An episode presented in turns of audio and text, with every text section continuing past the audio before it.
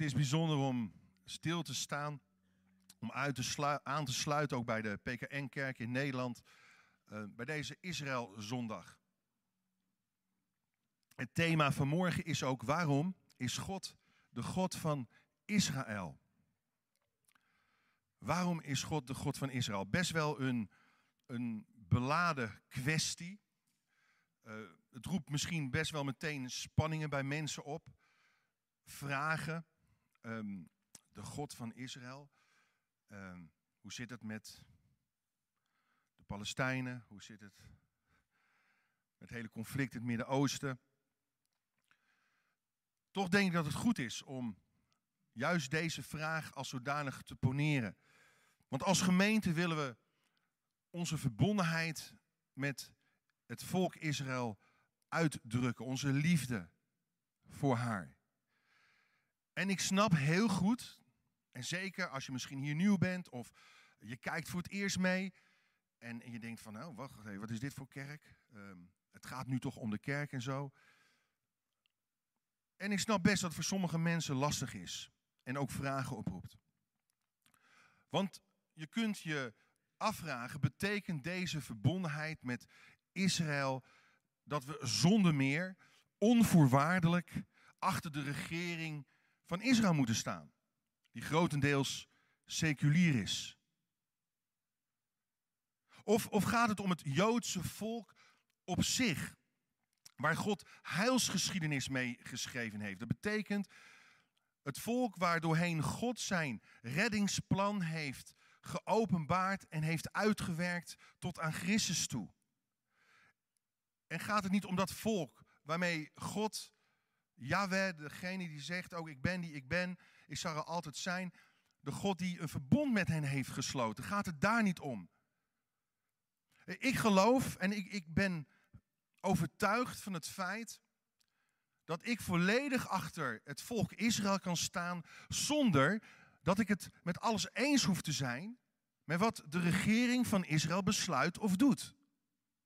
Ook al kan dat best wel een hele worsteling zijn, een spanningsveld opleveren. Want soms denk ik, ja, wat ze nu hebben gedaan is niet zo handig. Maar goed, dat geldt ook voor de Nederlandse regering.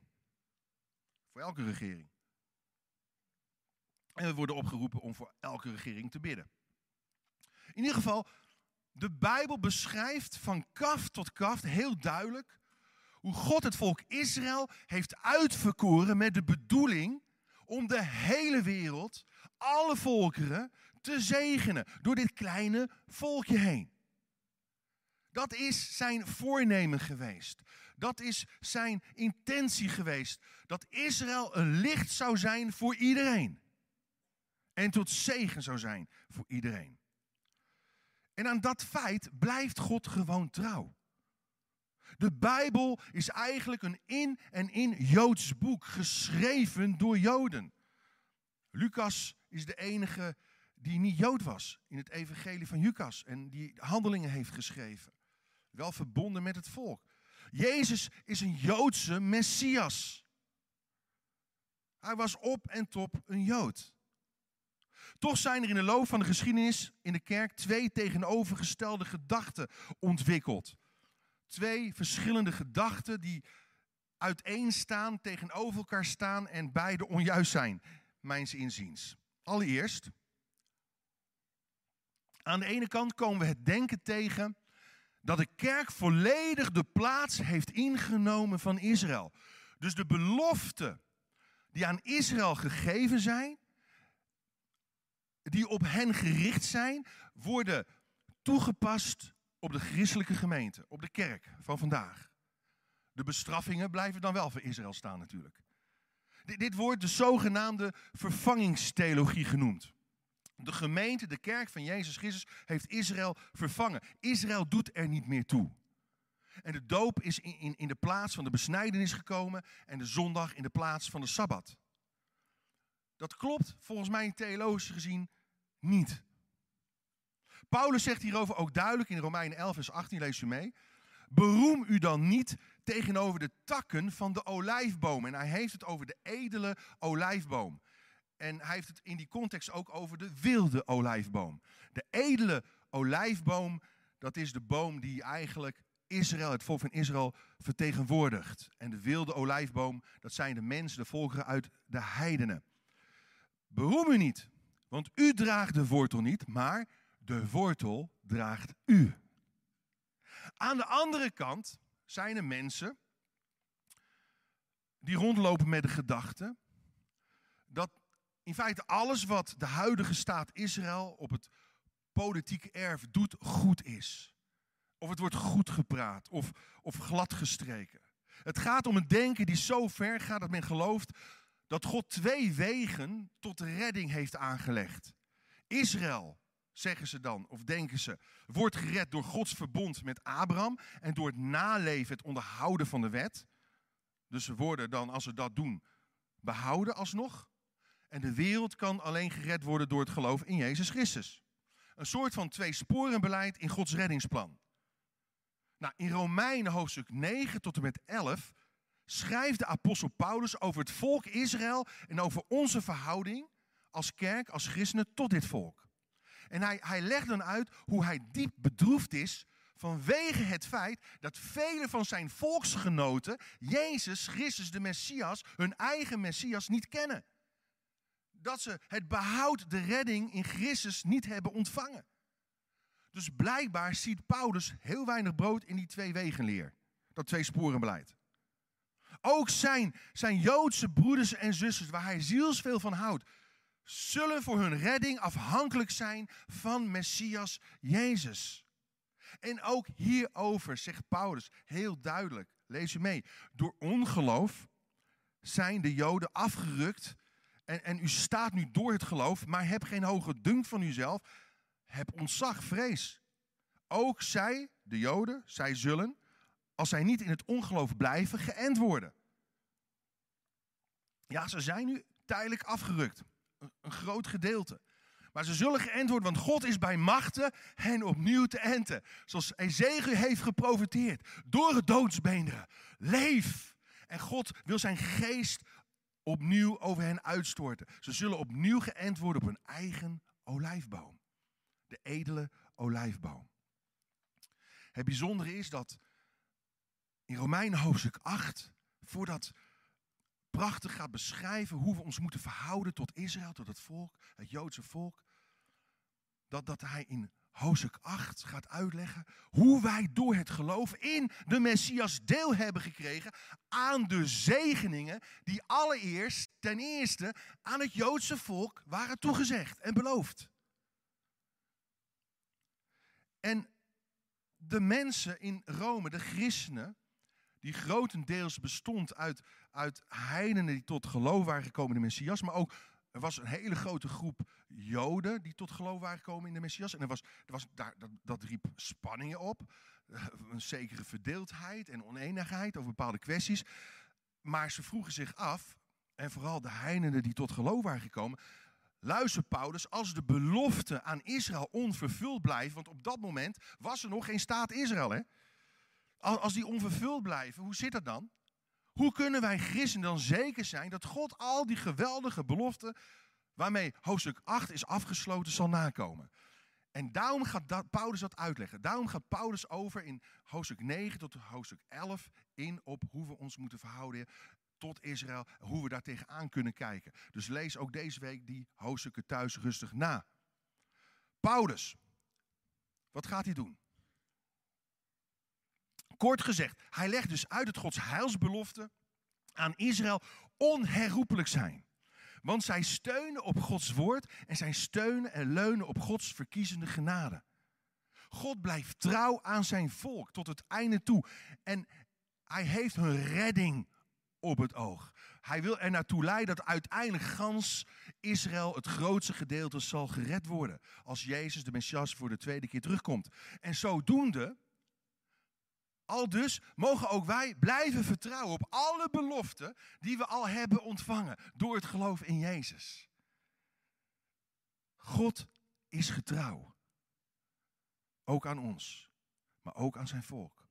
En om die reden deelt Paulus dan zo begint hij te schrijven in Romeinen hoofdstuk 9. Hij deelt zijn verdriet met de kerk in Rome, met de christenen in Rome, die uit Joden en niet-Joden bestaat.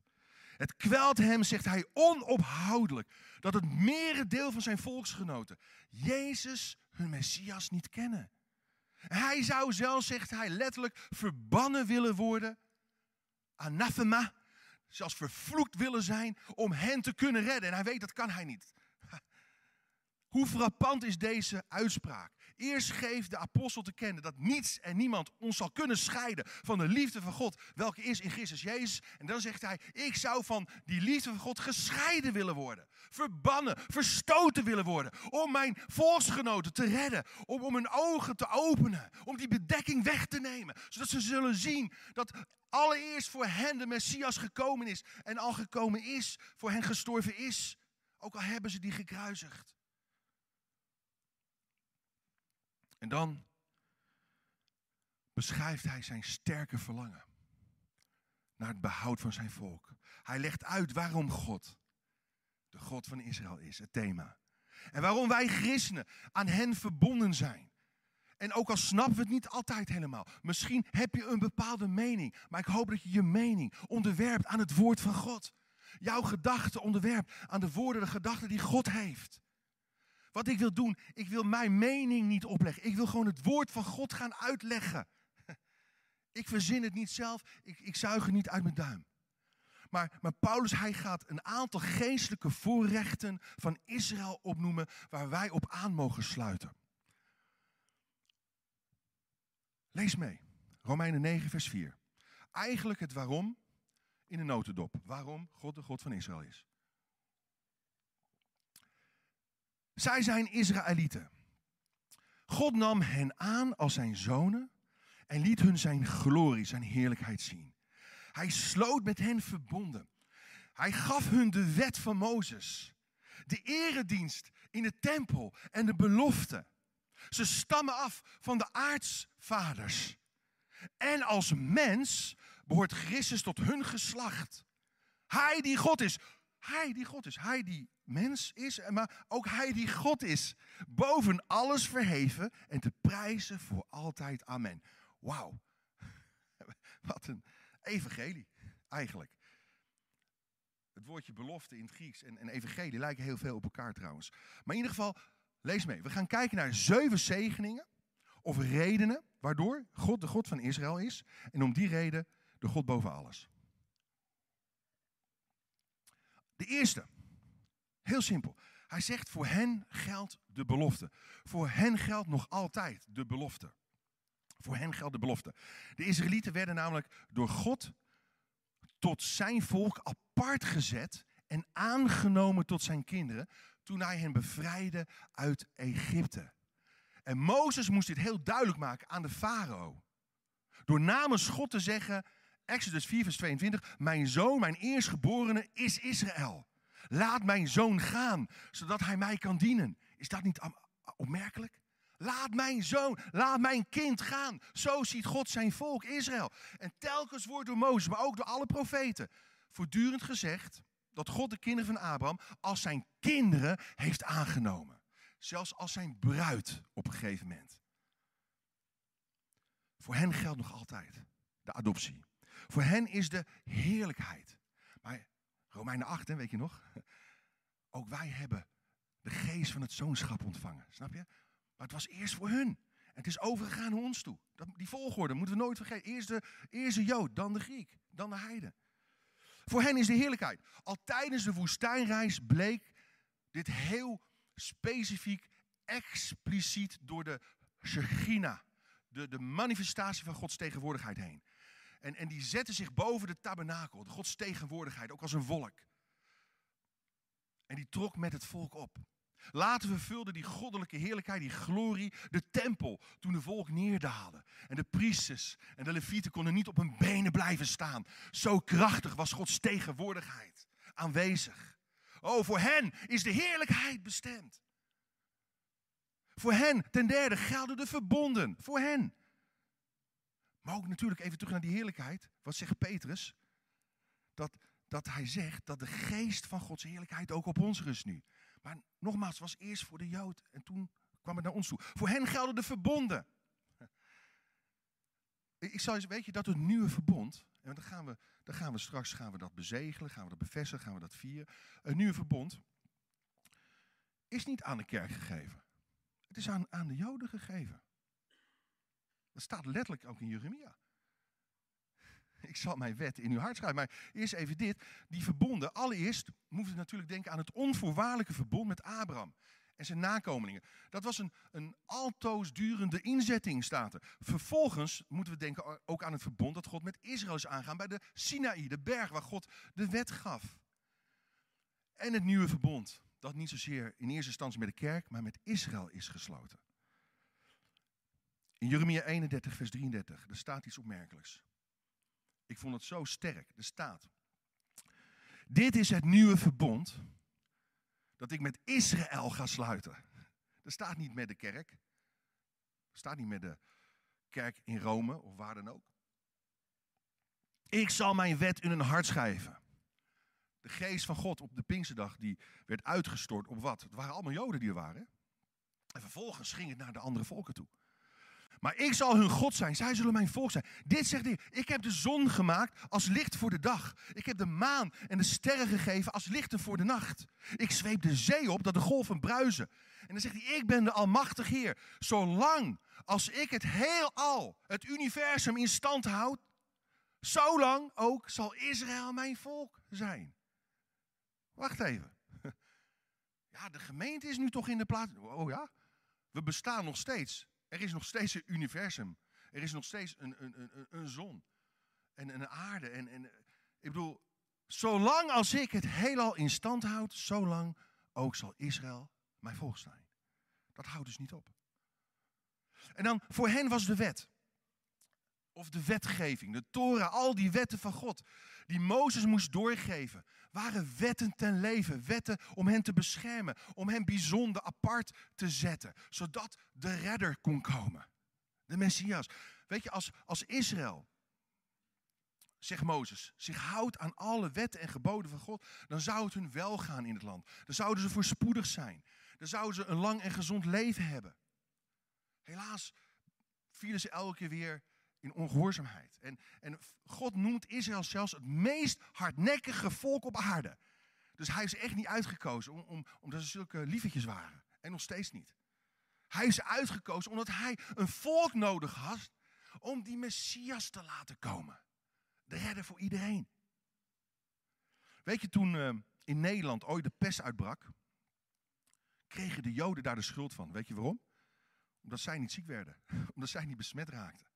Dat had te maken met al die wetten, die reinigingswetten, die, eh, eh, het wassen van de handen. etc. Er was toen niet de kennis dat, dat, dat het te maken had met allerlei bacteriën en virussen die voor besmettingen zorgden. Maar Gods leefregels beschermen het volk door de eeuwen heen. Maar door de eeuwen heen zijn ze ook vervolgd. Ze zijn verbannen natuurlijk. Ook in de context van Ezekiel 37, wat ik voorgelezen heb. Naar, Babel en, en, en Assur en ik weet niet wat. Ze zijn verstrooid over de... En hey, ze zijn in 1948 weer terug gaan komen naar hun land. Na de holocaust. Na dat dal van die dore doosbenen. Wat een wonder. Wie had het ooit kunnen denken? Zo'n klein volkje. De boze heeft er van alles aan gedaan om het kapot te maken. De vernietigen, holocaust, vernietiging. En dan, voor hen was de eredienst ten vijfde. De eredienst. In de dienst, in de tabernakel, later in de tempel maakte God het mogelijk dat ze in contact kwamen met de, met de Allerhoogste, de Allerheiligste. En, en één keer per jaar was er een grote verzoendag. En dan ging die hoge priester, die ging dan het heilige de heilige in. En, en er was een offerlam. Dat werd geslacht. Alle zonden van het volk werden daar als het ware opgelegd.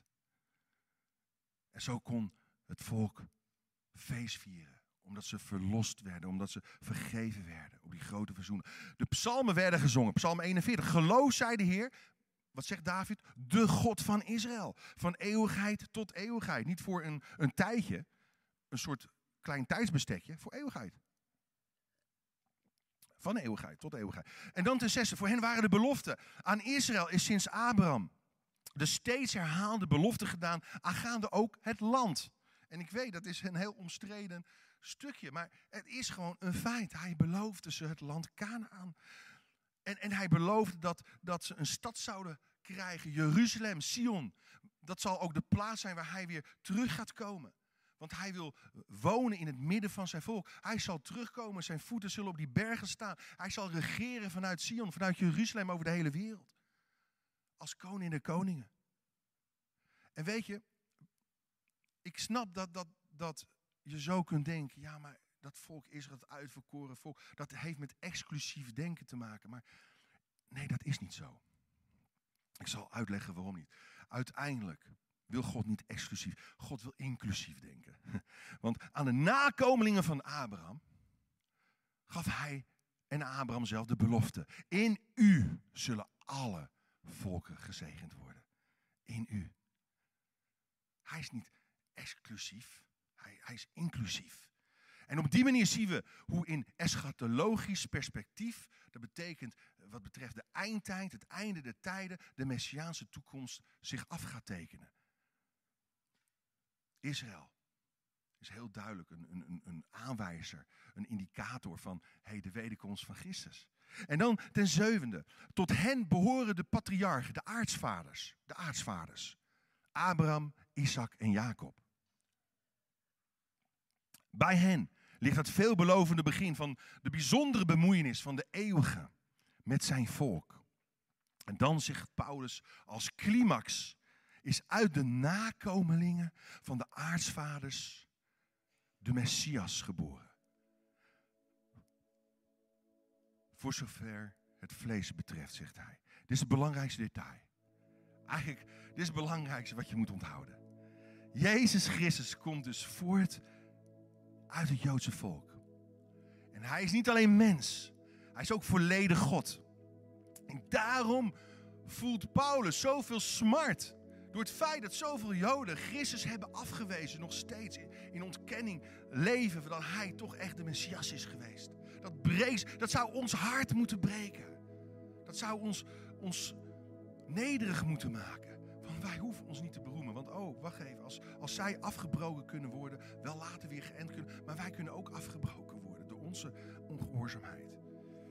En, en dan zegt Paulus in Romeinen 11, vers 1. Dan is nu mijn vraag. Heeft God zijn volk soms verstoten? Retorisch? Nee. Nee, beslis niet. Lees mee. Als hun overtreding als een rijke gave voor de wereld is. En hun falen een rijke gave voor de heiden. U en ik. Hoeveel rijker zal dan de gave zijn wanneer zij zich alle hebben bekeerd? Amen. Luister, dit is heel belangrijk. Israël is niet gestruikeld om ten val te komen. Nee, de val van Israël bewerkte de redding van de gelovigen uit de heidense volken. En God heeft sommige takken van de edele olijfboom afgebroken en in plaats daarvan loten geënt van een wilde olijfboom. U en ik, gelovigen uit de volken. Zodat wij kunnen delen in het heil en de zegen en de belofte en de verbonden die hij had voor en heeft voor het volk van Israël. En dan zegt Paulus Efeze 2 vers 19. Zo bent u dan niet meer vreemdelingen. Zo bent u geen bijwoners meer. Maar medeburgers. Medeburgers van de heiligen en de huisgenoten van God. Medeburgers en erfgenaam met Israël. Luister, dat is wat anders dan komen in de plaats van. Dit volk blijft de oudste broer in het verbond. Het eerste adres van de evangelieprediking. Want ook in Handelingen 3, vers 25, daar lezen we dat God in de eerste plaats voor de Joden zijn knecht, Jezus Christus, heeft doen opstaan. En hem tot de Joden heeft gezonden om hen te zegenen. Handelingen 3, vers 25, lees maar na. Staat er letterlijk. Israël blijft het volk van de hoop. Ondanks een Nebukadnezar. Ondanks eeuwen Jodenvervolging. Ondanks de Holocaust. De kerk is dus niet in plaats van Israël gekomen, maar mag delen in het heil wat God aan Israël beloofde. God is de God van Israël. Luister, om door haar heen een licht voor alle mensen te zijn. Een baken van hoop voor iedereen te zijn. Een baken van vernieuwing. Want wat er met dat volk is gebeurd, is een scheppingswonder. Maar ook met ons. Ook wij zijn een nieuwe schepping in Christus. Luister goed, God moest exclusief een volk uitkiezen. Om inclusief redding aan alle mensen te kunnen aanbieden. Amen. Ook al is er nu nog een gedeeltelijke verharding. Aan de zijde van Israël. De lijn zal weer naar ze terugbuigen. Indien, zegt Paulus, hun verwerping de verzoening van de wereld is. Wat zal hun aanneming anders zijn dan leven uit de doden? Gods woord, luister, is duidelijker, duidelijker in het dat van Israëls herstel dan in het hoe. Dus ik hou me niet zoveel bezig in het hoe, met het hoe, dat. Het zal gebeuren, het gaat gebeuren. De wereldwijde kerk is ontvanger en niet de bron. Israël is altijd bij uitstek het kanaal geweest waardoor de redding, het heil van God in deze wereld gekomen is. En door Israël, lieve mensen, nogmaals, hebben wij de wet, hebben we het evangelie, hebben we de Bijbel, hebben we de belofte, hebben we het leven, hebben we onze verlosser ontvangen. En Jezus, onze redder, mogen leren kennen. En kunnen wij door de Heilige Geest ook zeggen, Abba God, u bent mijn Vader, de God van Israël. De God van Jezus Christus, de God van hemel en aarde. God is de God van Israël. Waarom? Om ook jouw heelmeester te kunnen zijn. Om ook jouw bevrijder te kunnen zijn. Om ook jouw redder te kunnen zijn. Om jouw vrede, jouw vriend, jouw vreugde te kunnen zijn. Zo mogen we dat zien. Dat is het, het kijken vanuit een geestelijke bril het volk van Israël. Even al die politieke brillen en kleuren even terzijde gelaten. En ik wil vanuit hier ook het avondmaal gaan vieren. En misschien denk je, wat heeft dit nou met het avondmaal te maken? Nou, let op. Efeze 2, vers 11. Lees je mee. Bedenk. Dat is tevens de inleiding van het avondmaal. Bedenk. En als je, als je weet dat je een kind van God bent, dan mag je ook, ook avondmaal met ons meevieren. Bedenk daarom dat u, die eigen door uw afkomst heidenen bent. En onbesnedenen genoemd wordt. Door hen die door mensenhanden besneden zijn, dus door de Joden. Bedenk dat u destijds niet verbonden was met, met Christus, de Messias. U had geen deel aan het burgerschap van Israël. Staat hier letterlijk. Jullie hadden zonder Christus helemaal geen deel. Jullie waren vreemdelingen. Bijwoners. Jullie waren niet betrokken bij, bij al die verbondsluitingen. Bij de beloften. Beloften die daarbij horen. U leefde in een wereld zonder hoop, zonder God. Maar nu bent u, die eens ver weg was, in Christus Jezus dichtbij gekomen door wat? Door zijn bloed. Door zijn bloed. Dat is het middel, het instrument. Want Hij is onze vrede. Hij die met zijn dood de twee werelden één heeft gemaakt. De muur van vijandschap ertussen heeft afgebroken tussen Jood en Griek, Jood en Heide. En de wet met zijn geboden en voorschriften buiten werking heeft gesteld. Om uit die twee in zichzelf één nieuwe mens te scheppen. Opnieuw het woordje scheppen. Het is een scheppingsdaad. En zo bracht hij vrede en verzoende hij door het kruis beide in één lichaam met God. De Joden die tot de Messias komen en de heidenen die tot de Messias komen zijn één. Zijn één nieuwe mens. Vormen nu de bruid met elkaar, de bruid van Christus met elkaar. Door in zijn lichaam de vijandschap te doden. Hij bracht vrede, verzoende hij door het kruis beiden één lichaam. Vrede kwam hij verkondigen aan u die ver weg was, maar ook vrede aan hen die dichtbij waren. En dankzij hem hebben wij allen nu door één geest toegang tot de Vader. Wat, wat een woord van Paulus. Wat een theoloog was deze man, ongelooflijk. Briljant. Hoe hij dit hier beschrijft. Maar hé, hey, door zijn bloed, door zijn bloed, zijn die muren van vijandschap, die ons scheiden, die de heidense volken scheiden van, van de Joodse voorrechten en zegening, die is weggebroken. Er is in Christus in die zin geen onderscheid meer. We zijn één in Christus. Of je nou een Arabier bent, een Aziat, een Afrikaan, een Amerikaan, een Westeling, Europeaan. Door het bloed van Jezus zijn we één. De vijandschap is weggebroken. De muren vallen weg door het bloed van Jezus Christus, de Messias. Ik heb zo'n zin om nu avondmaal te vieren, u ook? Ik kan niet meer wachten. Ja, we doen nog niet op de oude manier dat mensen naar voren kunnen komen. Iedereen heeft als het goed is eh, bij, bij aanvang, toen de dienst begon, in de hal een stukje matses en, en wijn gekregen. En ik, zou willen vragen, als je dat wil, ehm, pak dat stukje brood. Want de Heer Jezus, voordat hij uitgeleverd werd, psalmen had gezongen, de halal. Toen zei hij tegenover zijn discipelen, apostelen. Hij, brak, hij nam het brood en, hij, zei, hij zei dit. Hij brak het en zei, dit is mijn lichaam. Dit vertegenwoordigt mijn offer. Waardoor mijn bloed zal gaan vloeien. Maar ik word verbroken. Ik, ga straks naar het kruis toe. Ik word gegezeld. Ik word mishandeld. Ik word bespuurd. Ik word verbrijzeld. Maar hij wist dat hij zou opstaan naar de dood. Hij zei, dit is mijn lichaam.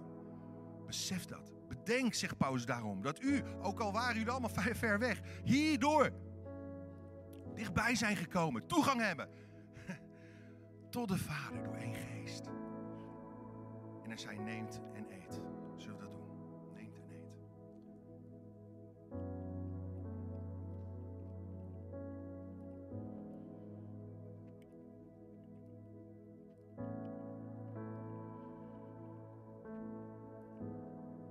Heer Jezus. U noemt ook de beker.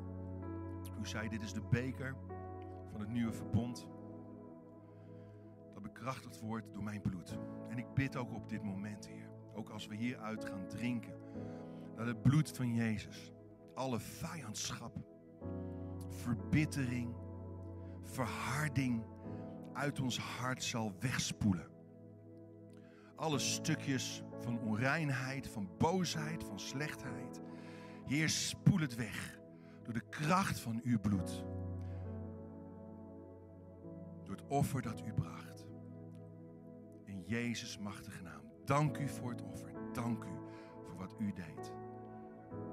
Zullen we hieruit drinken? In Jezus' naam. Oh Heer, dank u wel. Waar is de band?